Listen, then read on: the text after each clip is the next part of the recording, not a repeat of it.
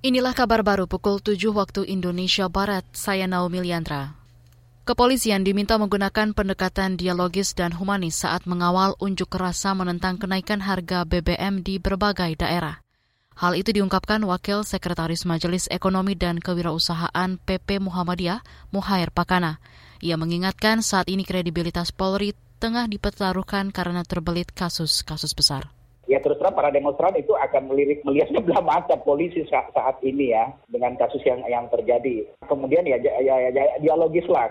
Uh, kalau bisa uh, dari pihak polisi uh, aparat maksud saya itu ada yang bisa jadi juru bicara mau dialog dengan ini. Jangan kasar lah. Jangan jangan jangan uh, kasar. Kawan-kawan mahasiswa saya juga di mimpin kampus ya.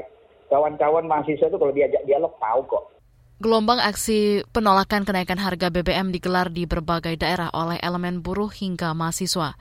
Beberapa demonstrasi berakhir ricu seperti di Sampang dan Jombang, Jawa Timur. Beralih ke informasi olahraga, Chelsea kalah 0-1 dari Dinamo Zagreb di laga perdana grup E Liga Champions. Gol sematawayang tim tuan rumah dicetak Mislav Orsic di menit ke-13. Hasil buruk ini membuat pelatih Chelsea Thomas Tuchel berang. Pasalnya itu merupakan kekalahan ketiga dalam lima pertandingan terakhir yang dijalani The Blues.